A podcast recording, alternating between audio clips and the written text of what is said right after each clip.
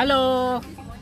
Ya, hari ini kita uh, dari rombongan pemuda NW datang ke Oke. apa melihat lokasi di Bukit apa namanya Pak Armin? Raja. Oh iya, Raja. Uh, saya sama Pak Dr. Armin, Pak Do, Bu Pak Dr. Horti, Bu Dr. Liana.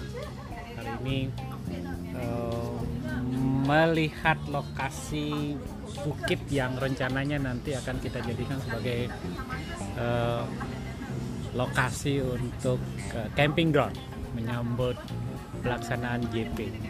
Pak Armin, selamat pagi. Apa Pagi, kabar? Bos. Oke, masih lapar? Alhamdulillah. Alhamdulillah, ya sudah Udah kenyang lah. sudah kenyang. Oke. Bagaimana dengan eh, lokasi yang sudah kita lihat tadi? Suasananya seperti apa kira-kira?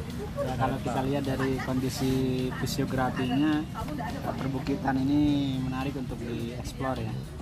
Nah, dari sisi uh, view-nya ini bagus ya, bisa langsung menghadap ke Pantai Kute, tapi membelakangi beberapa tempat apa penduduk. Nah ini bisa dikombin antara kehidupan masyarakat dengan atraksi wisata. Nice, keren, keren, keren. Lalu eh, dengan rencana pelaksanaan MotoGP dari sisi lokasi tadi itu, seperti apa prospeknya menurut Pak Dokter?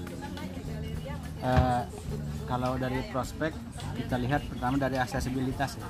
Siap. Ini lokasi ini cukup dekat dengan eh, tempat eh, MotoGP. Jadi jangan khawatir bagi yang ingin menikmati alam bebas nanti kalau ini sudah ready bisa eh, stay di sini sementara waktu ketimbang di tempat Oto Hal ini bisa menikmati alam bebas di situ bisa lebih eh, safety lah masing mengenai anggaran.